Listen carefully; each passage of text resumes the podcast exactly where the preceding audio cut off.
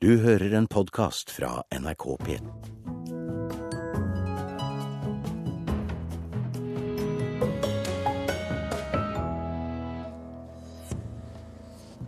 Spillefilm fra Saudi-Arabia provoserer med å vise både basketsko og neglelakk. Det er nyttig at en av de mest sentrale aktørene i terrorrettssaken selv forteller, sier vår kritiker om forsvarsadvokat Geir Lippestads nye bok. Og kulturlivet i Frankrike rammes av protester mot ny ekteskapslov. Regissøren måtte kommunisere med skuespillerne via walkietalkie da den første konge, spillefilmen Den saudiske kongefamilien har tillatt tap i landet, ble, ble laget. Denne helgen vises resultatet, Den grønne sykkelen, på arabiske filmdager i Oslo. I hjemlandet vil den ikke blitt vist, siden kinoer er forbudt.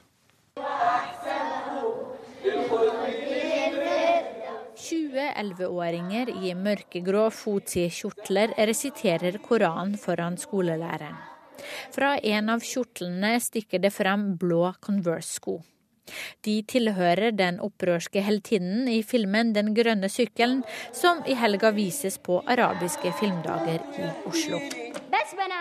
Punkete Converse-sko er en uting. Det samme er å komme på skolen uten hijab og hoppe paradis i skolegården mens mannlige bygningsarbeidere ser på. Gjennom hverdagslige situasjoner viser regissøren Haifa al-Mansour hvordan livet til saudiske kvinner er mye vanskeligere enn mennes. Filmen er skutt i et land hvor kinoer er forbudt, og hvor kvinner ikke kan oppholde seg i det offentlige sammen med menn. Derfor satt regissøren inne i en bil og instruerte filmstaben via walkietalkie. Women are not allowed to mix and work with men. So filming outside was, was a little problematic because I had to be in a van and uh, I had a monitor and I would talk to the actors and the DOP on the walkie-talkie and I tell them, yeah, now you have to make the frame wider and maybe she has to look up. Tell her to hold the feelings. so it's kind of like difficult not to be on the set with the, with the rest of the crew. Alle har veldig mye tanker om Saudi-Arabia, hvordan det er, men veldig, veldig få har sett bildet, for det er mm, ikke lov å filme. Dette er en veldig, ja, veldig spennende å faktisk få se bare hvordan det ser ut i seg selv. Sier prosjektleder i arabiske filmdager, Christian Takvam. Eh, Saudi-Arabia er nok mer restriktivt enn noen av de andre gulflandene, som f.eks. i Emiratene, Dubai osv. Der er det mer åpenhet. Men generelt kan man si at fiksjonsfilm er en mer subtil form for kritikk. Fordi at når du ikke lager en dokumentar, så kan du alltid si at det egentlig handler om noe annet. Den første saudiske filmen er spilt inn takket være tillatelse og sponsing fra kongehuset og prins Walid bin Talal. Den kritiserer på ingen måte landets styresett, men viser problematiske sider ved det saudiske samfunnet. Det er veldig tydelig kritikk av sosiale strukturer i Saudi-Arabia. Og det er veldig kritisk til hvordan samfunnet er organisert, hvordan kvinner blir behandlet, at menn dominerer. Men det er klart, det er ikke en kritikk mot kongedømmet i Saudi-Arabia. Filmen er kjemisk fri for sex, alkohol og andre synder. Her er blå neglelakk og jenter som sykler, ment å være provoserende. Al-Mansour ville lage en film for et konservativt saudisk publikum som er generelt skeptisk til hele kunstarten.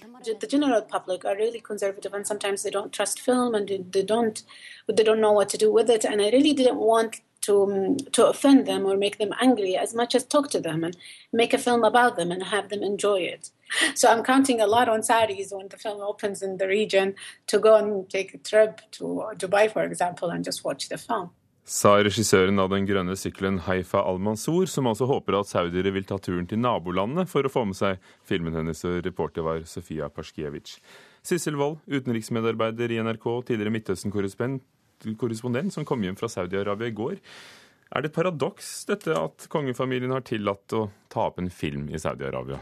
Ja, denne prinsen her, Walid bin Talal, han er jo, om ikke et sort får, så er han en veldig radikal eh, kraft i denne enorme kongefamilien. Eh, han er den 26. rikeste mannen ifølge Forbes liste i verden. Eh, men han sa akkurat for et par dager siden at han syns at kvinner nå må få kjøre. Så han er klart mer radikal enn det den styrende kongen og kronprinsen er. Hvordan omtales han da blant folk? Jo, han bruker eh, penger på veldig mye forskjellige prosjekter. Eh, Så han, han er jo ikke typisk for uh, kongedømmet. Det viktigste er jo at uh, man får puste fritt inne i Saudi-Arabia. Uh, det er jo typisk at denne filmen skal vises i Bahrain og i nabolandene, for det er jo dit mange saudiere drar for å både ha det gøy og se på kino. Men det må sies nå at selv om det ikke er kinoer i Saudi-Arabia, så har folk begynt å lage hjemmekinoer hjemme i kjellerne sine. Saudi-arabiere har jo ofte veldig store hus, fordi at det er der kvinnene lever. De kan jo ikke leve veldig De kan jo ikke leve livet sitt utendørs ute. De går jo på kafeer og sånt nå, men hvis de skal eh, gjøre andre ting, være veldig sosiale og sånt nå, så foregår jo alt innendørs. Også kinoer har de begynt å lage i enkelte hjem nå. Men I hvilken grad finnes det da et kulturliv som ikke handler om eh, skjønnskrift og tradisjonelle kunster? Ja, Kulturlivet er jo veldig begrenset, for det er jo ikke noe teater heller. Og det er et lite miljø av uh, saudiarabiske menn som lager småfilmer. Og de viser de for hverandre hjemme. uh, og de legger dem på YouTube. Så YouTube er jo den virkelige kinoen for unge saudier. Og de har jo begynt også å lage små uh, harselerende filmer som tar opp litt artige problemstillinger fra Saudi-Arabia. Fra det saudiarabiske samfunnet, som er jo veldig, veldig lukket. Men det er jo tre store tabuer. Det er religion, sex og kongefamilien, politikk. Alt annet kan de harselere med i veldig enkle former. Og, og nå sa jo regissøren her, Haifa al-Mansour, at uh, hun overhodet ikke kritiserer. Hun vil lage en film om uh, familien og, og, og kongefamilien og saudiere. Men i hvilken grad kan det forekomme kritikk? Eh, de ser jo på f.eks. For forholdene til fremmedarbeidere. Det kan du lese om i eh, saudiarabiske aviser. Og også kvinners ønske om å kjøre. Dette er jo noe som diskuteres veldig mye. Og veldig mange unge saudi-jenter som jeg traff, de, de, kan jo kjøre bil. Det er bare at de har ikke lov. Men de lærer. De lærer av onkler og foreldre og brødre, men de bare har ikke lov. Så de kjører i utlandet. Men det skjer veldig mye om enn sakte, under overflaten i Saudi-Arabia. Og stikkordet for denne endringen, det er jo internett. Internett har gitt dem en helt annen måte å kommunisere på, og se eh, hvordan verden utenfor ser ut, og få impulser inn. Og det virker jo som eh, samfunnslivet er noe i utakt med lovgivningen i landet. For når vi hører her en kvinneregissør som altså må snakke med walkietalkie med arbeiderne samtidig som de alle kan kjøre og gjør det i nabolandene? Ja, det er jo litt absurd. Også nå så er det jo et enormt uh, ungdomskull. Altså jeg tror uh, 60% av Saudi-Arabias befolkning er under 30 eh, år. Og disse må ha jobber. De vil jo ikke ha hva slags eh, type jobb som helst. Men veldig mange er godt utdannet. Eh, prins, Kong Abdullah har sendt ut jeg tror 40 50 000 studenter til utlandet. De kommer også tilbake med impulser. Og de er godt utdannet, og kvinnene veldig godt utdannet, de unge kvinnene nå. Og det er klart de finner seg ikke i at de ikke kan dra til jobben, som de håper å få, med en sjåfør. De vil kjøre sjøl. Så når det lages en film som Den grønne sykkelen, så er det bare begynnelsen?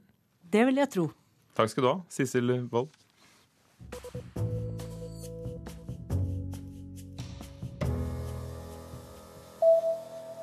Politiet anmelder sjåførene til den canadiske popstjernen Justin Bieber for å ha holdt for stor fart og være farlig nær unge Bieber-tilhengere.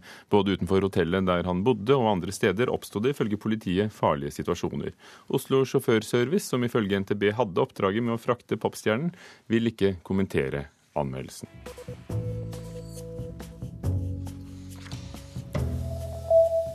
Filmfestivalen i Haugesund rammes av filmkuttene fra bransjens egen organisasjon Film og Kino. Film og Kino skal halvere støtten til filmfestivalene neste år, og kutter ut mange andre støtteordninger også, som vi allerede har hørt om. Filmfestivalen i Haugesund er en av de festivalene som vil merke nedskjæringene kraftig, og derfor dro ordfører fra Haugesund, Petter Steen fra Høyre, til Stortinget i går. Det som er viktig med å ta kontakt med, med folkevalgte på Stortinget, er jo ikke å tro at en skal få noen løfter eh, der og da, men det er å kunne få presentere konsekvensene av det som nå skjer. Og vi har fått eh, gjort det på en utmerket måte i dag. Men det er klart eh, det er en situasjon for norske filmfestivaler, både den store norske i Haugesund og publikumsfestivalene rundt om i landet, at en halvering i løpet av to år av støtten fra festivalutvalget det kan få dramatiske konsekvenser. Ja, Hva konkrete eh, konsekvenser kan det få? Ja, Det vil jo helt sikkert variere fra festival til festival. Men det er klart at um, når en totalt sett får en halvering av støtten, så snakker vi jo om en ja, rundt 7 millioner kroner i redusert støtte fordelt på disse festivalene. og eh, Da er det på en måte to ting en kan gjøre. Enten så må en kutte i programtilbudet og, og innholdet i festivalene.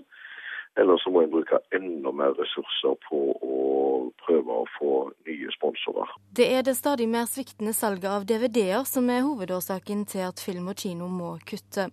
Organisasjonen hadde i 2007 inntekter på rundt 95 millioner kroner, mens prognosen for 2014 er 52 millioner kroner. Derfor må vi kutte, sier styreleder Knut Even Lindsjøm. Som alle til hvert nå vet, så går det salget drastisk ned. og Det betyr også at våre inntekter går drastisk ned. Og fortsetter den nedgangen. Dette er for så vidt en varslet nedgang. og men, men, men inntil myndighetene finner noen gode alternative finansieringskilder og løsninger, så vil vi måtte kutte i budsjettene, dessverre. Og reporter var Rosa Irén Villa Lobos. 17 minutter over åtte, Nyhetsmorgen i NRK, overskriftene. En person er arrestert etter at en politimann ble skutt og drept på universitetet MIT utenfor Boston. NSB og Jernbaneverket mener det er viktigere med vedlikehold enn med nye jernbanespor. Og et pilotprosjekt gir lovende nordnorske band hjelp til å lage musikkvideoer, som vi skal høre mer om senere i Kulturnytt. Forsvarsadvokaten til terrordømte Anders Behring Breivik, Geir Lippestad, ga ut boken 'Det vi kan stå for' i går. Lippestad sa under lanseringen at han mener debatten om hvordan terroren overhodet kunne skje, ikke har vært god nok. I et Europa i endring, og Norge er en del av Europa om vi vil eller ikke, med arbeidsledighet, med kanskje stigende fattigdom, med stigende usikkerhet for fremtiden, hvor, hvor tilliten til sentrale aktører blir borte, eh, så er jo dette med grunnleggende verdier ekstremt viktig. Ellers oppstår ekstremisme. Eh, og, og folkegrupper og, og, og, kulturer eh, begynner å gnisse på hverandre. Og hvis man ikke greier å ta de grunnleggende debattene, og, det skal styre oss, så, så kan dette bli en skummel utvikling. og Det er det jeg tar til orde for i boken. Nemlig å, å prøve å si at det er ikke så interessant å diskutere hva norsk kultur er. Det interessante er hva norske verdier. Og de som bryter de grunnleggende norske verdiene, ja, der går toleransens ytterpunkt. Geir Lippestad i går. Knut Hoem, litteraturkritiker i NRK. Du har lest boken i natt. Hva handler den om? Den handler om eh, hvordan eh, Geir Lippestad eh, ble advokat.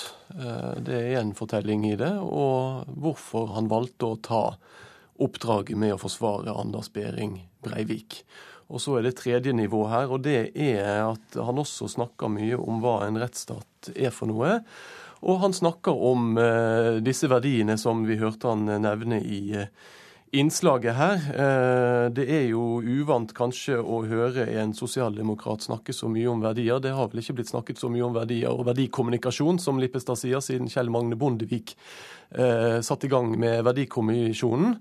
Men det er et veldig sentralt tema for uh, Lippestad, men da ut ifra kan du si, hans ståsted, som jo er mer fra sosialdemokratisk ståsted. Hva forteller Lippestad om Breivik i boken?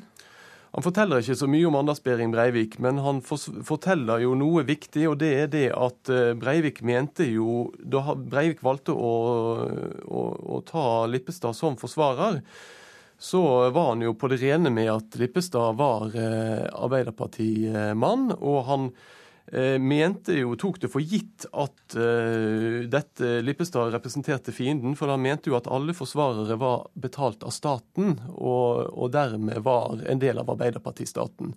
Så på den måten så på en måte skinner det jo gjennom at, eh, at eh, Breivik ser jo, dette, ser jo på Norge som en slags totalitær eh, stat, der det ikke er noe skille mellom de forskjellige utøvende og dømmende, altså de forskjellige instansene i en rettsstat.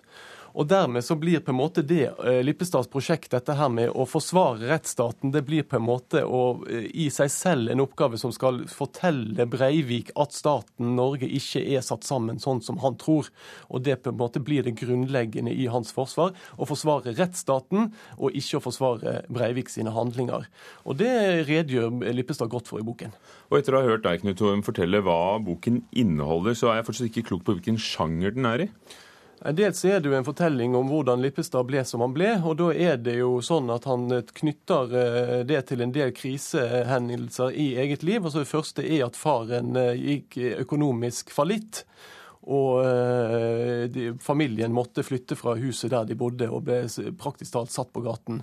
Dette satte i gang en del tanker hos han om hvordan hvilken rettssikkerhet enkeltmennesket hadde i en sånn situasjon. Så er det en annen fryktelig viktig hendelse, og det handler jo om hans multihandikappede barn Rebekka, og det foreldreansvaret han har hatt for henne.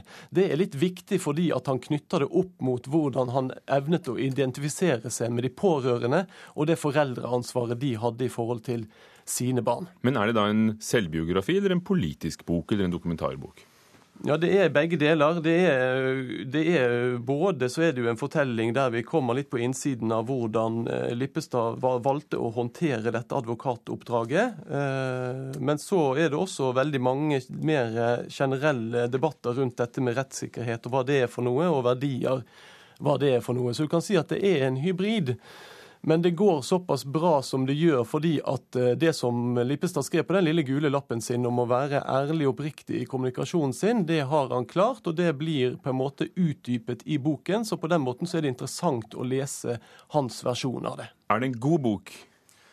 Ja, jeg syns at det er en uh, god bok og en nyttig bok. Det er helt rimelig at en av de sentrale aktørene i dette dramaet forteller sin historie utover det som vi har fått høre i intervjuer. Takk skal du ha, Knut Hoem, som altså hadde lest Det vi kan stå for, av Geir Lippestad, som har skrevet den sammen med forfatter Jon Gangdal.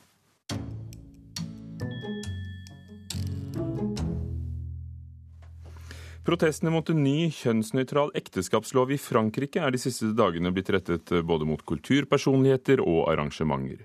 Den nye loven ble vedtatt i nasjonalforsamlingen eh, tidligere i år, men eh, den må også vedtas i Senatet før den eventuelt kan tre i kraft. Og sånn som dette hørtes det ut i Nantes da demonstranter stanset et demonstrasjonstog med skribenten og homoaktivisten Caroline Forrest i spissen.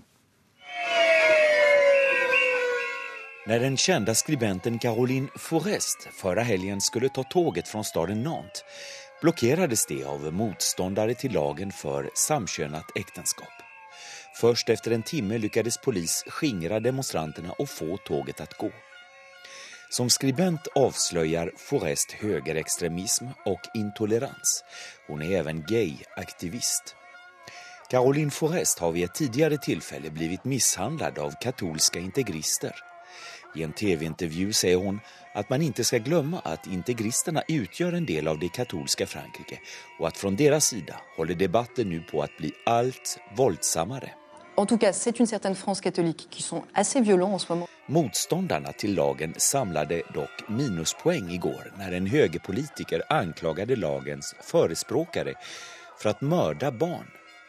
Underförstått kritiserade politikern att homosexuella par ska få adoptera barn.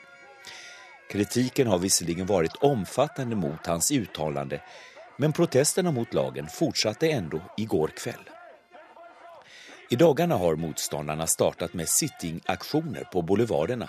I helgen stoppades en klassisk musikkonsert när motståndarna spårat upp att i publiken fanns representanter för socialistregeringen och som fört fram lagen.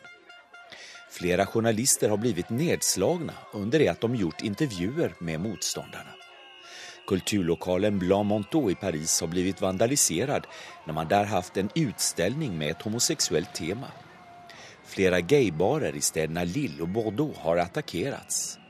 Flera vänsterpolitiker som stödjer lagen har hotats till livet.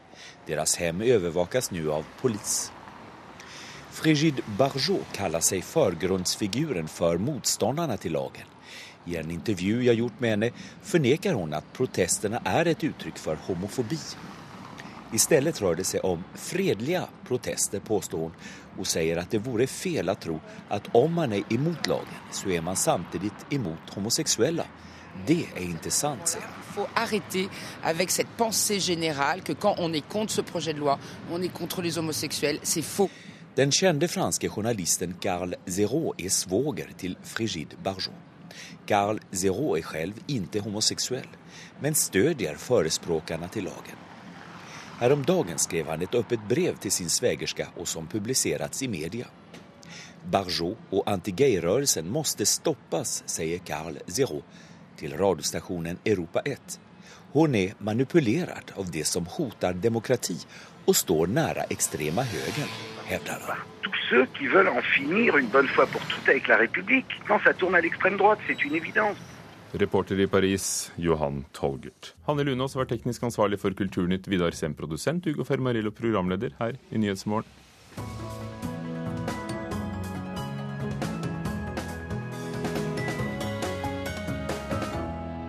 Du har hørt en podkast fra NRK P2.